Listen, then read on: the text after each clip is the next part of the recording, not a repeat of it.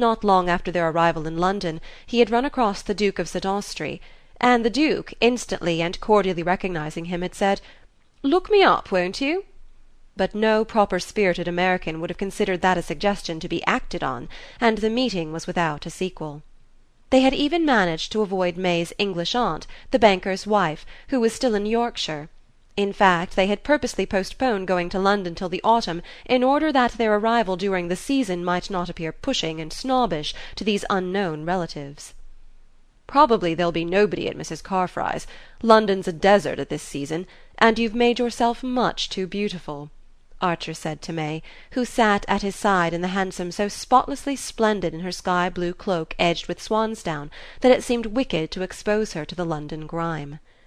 "I don't want them to think that we dress like savages," she replied, with a scorn that Pocahontas might have resented; and he was struck again by the religious reverence of even the most unworldly American women for the social advantages of dress.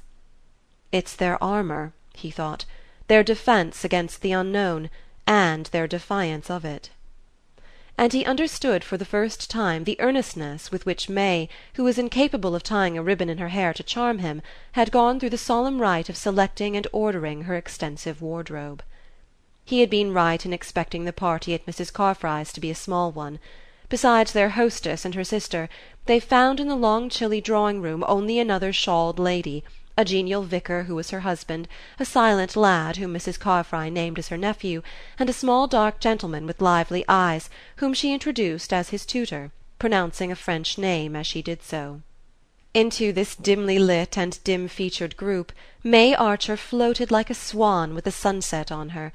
She seemed larger, fairer, more voluminously rustling than her husband had ever seen her and he perceived that the rosiness and rustlingness were the tokens of an extreme and infantile shyness.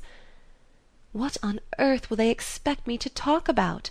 her helpless eyes implored him, at the very moment that her dazzling apparition was calling forth the same anxiety in their own bosoms. But beauty, even when distrustful of itself, awakens confidence in the manly heart, and the vicar and the French named tutor were soon manifesting to May their desire to put her at her ease. In spite of their best efforts, however, the dinner was a languishing affair. Archer noticed that his wife's way of showing herself at her ease with foreigners was to become more uncompromisingly local in her references, so that, though her loveliness was an encouragement to admiration, her conversation was a chill to repartee. The vicar soon abandoned the struggle, but the tutor, who spoke the most fluent and accomplished English gallantly continued to pour it out to her until the ladies, to the manifest relief of all concerned, went up to the drawing-room. The vicar, after a glass of port, was obliged to hurry away to a meeting, and the shy nephew, who appeared to be an invalid, was packed off to bed. But Archer and the tutor continued to sit over their wine, and suddenly Archer found himself talking as he had not done since his last symposium with Ned Winsett. The Carfry nephew, it turned out, had been threatened with consumption, and had had to leave Harrow for Switzerland, where he had spent two years in the milder air of Lake Leman. Being a bookish youth he had been entrusted to Monsieur Riviere, who had brought him back to England and was to remain with him till he went up to Oxford the following spring; and Monsieur Riviere added with simplicity that he should then have to look out for another job. It seemed impossible, Archer thought, that he should be long without one, so varied were his interests and so many his gifts. He was a man of about thirty, with a thin ugly face May would certainly have called him common looking to which the play of his ideas gave an intense expressiveness, but there was nothing frivolous or cheap in his animation. His father, who had died young, had filled a small diplomatic post, and it had been intended that the son should soon follow the same career but an insatiable taste for letters had thrown the young man into journalism, then into authorship, apparently unsuccessful, and at length, after other experiments and vicissitudes which he spared his listener, into tutoring English youths in Switzerland. Before that, however, he had lived much in Paris, frequented the Goncourt Grenier, had been advised by Maupassant not to attempt to write even that seemed to Archer a dazzling honour and had often talked with Mérimée in his mother's house. He had obviously been always desperately poor and anxious, having a mother and an unmarried sister to provide for, and it was apparent that his literary ambitions had failed. His situation in fact seemed, materially speaking, no more brilliant than Ned Winsett's, but he had lived in a world in which, as he said, no one who loved ideas need hunger mentally. As it was precisely of that love that poor Ned Winsett was starving to death, Archer looked with a sort of vicarious envy at this eager impecunious young man who had fared so richly in his poverty. "You see, monsieur, it's worth everything, isn't it, to keep one's intellectual liberty, not to enslave one's powers of appreciation, one's critical independence.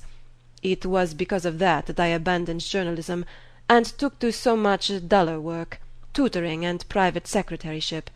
There is a good deal of drudgery, of course, but one preserves one's moral freedom, what we call in French one's quant à soi. And when one hears good talk one can join in it without compromising any opinions but one's own. Or one can listen and answer it inwardly. Ah, good conversation, there's nothing like it, is there? The air of ideas is the only air worth breathing and so I have never regretted giving up either diplomacy or journalism two different forms of the same self abdication." He fixed his vivid eyes on Archer as he lit another cigarette. "Voyez vous, monsieur, to be able to look life in the face that's worth living in a garret for, isn't it? But after all one must earn enough to pay for the garret, and I confess that to grow old as a private tutor, or a private anything is almost as chilling to the imagination as a second secretaryship at Bucharest. Sometimes I feel I must make a plunge, an immense plunge. Do you suppose, for instance, there would be any opening for me in America, in New York?" Archer looked at him with startled eyes. New York, for a young man who had frequented the Goncourt and Flaubert, and who thought the life of ideas the only one worth living! He continued to stare at Monsieur Riviere perplexedly wondering how to tell him that his very superiorities and advantages would be the surest hindrance to success. "New York New York but must it be especially New York?" he stammered, utterly unable to imagine what lucrative opening his native city could offer to a young man to whom good conversation appeared to be the only necessity. A sudden flush rose under Monsieur Riviere's sallow skin. "I uh, I thought it your metropolis. Is not the intellectual life more active there?" he rejoined. Then, as if fearing to give his hearer the impression of having asked a favour, he went on hastily: "One throws out random suggestions, more to one's self than to others. In reality I see no immediate prospect and rising from his seat he added, without a trace of constraint, eh, "But Mrs. Carfry will think that I ought to be taking you upstairs." During the homeward drive Archer pondered deeply on this episode.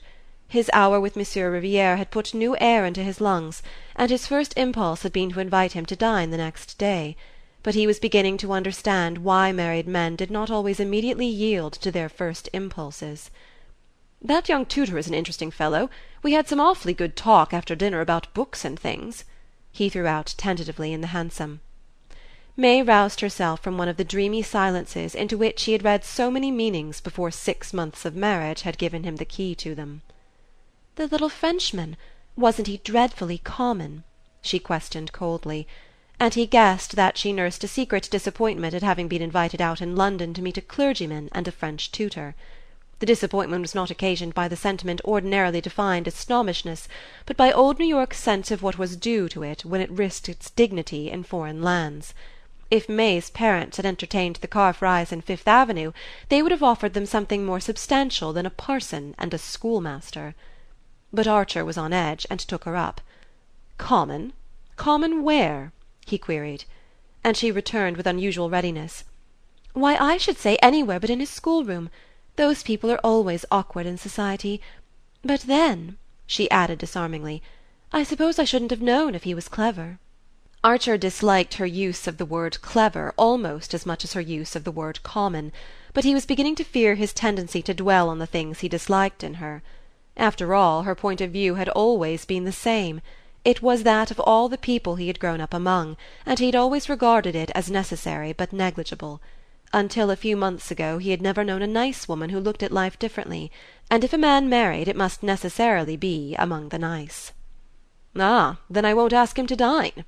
He concluded with a laugh; and May echoed, bewildered: "Goodness! Ask the Carfrys' tutor!" Well, not on the same day with the Carfrys, if you prefer I shouldn't. But I did rather want another talk with him. He's looking for a job in New York." Her surprise increased with her indifference; he almost fancied that she suspected him of being tainted with foreignness. "A job in New York? What sort of job? People don't have French tutors. What does he want to do?" "Chiefly to enjoy good conversation, I understand," her husband retorted perversely and she broke into an appreciative laugh. "Oh Newland, isn't that funny? Isn't that French?" On the whole he was glad to have the matter settled for him by her refusing to take seriously his wish to invite Monsieur Riviere. Another after dinner talk would have made it difficult to avoid the question of New York, and the more Archer considered it the less he was able to fit Monsieur Riviere into any conceivable picture of New York as he knew it. He perceived with a flash of chilling insight that in future many problems would be thus negatively solved for him; but as he paid the hansom and followed his wife's long train into the house he took refuge in the comforting platitude that the first six months were always the most difficult in marriage. "After that I suppose we shall pretty nearly finish rubbing off each other's angles," he reflected; but the worst of it was that May's pressure was already bearing on the very angles whose sharpness he most wanted to keep.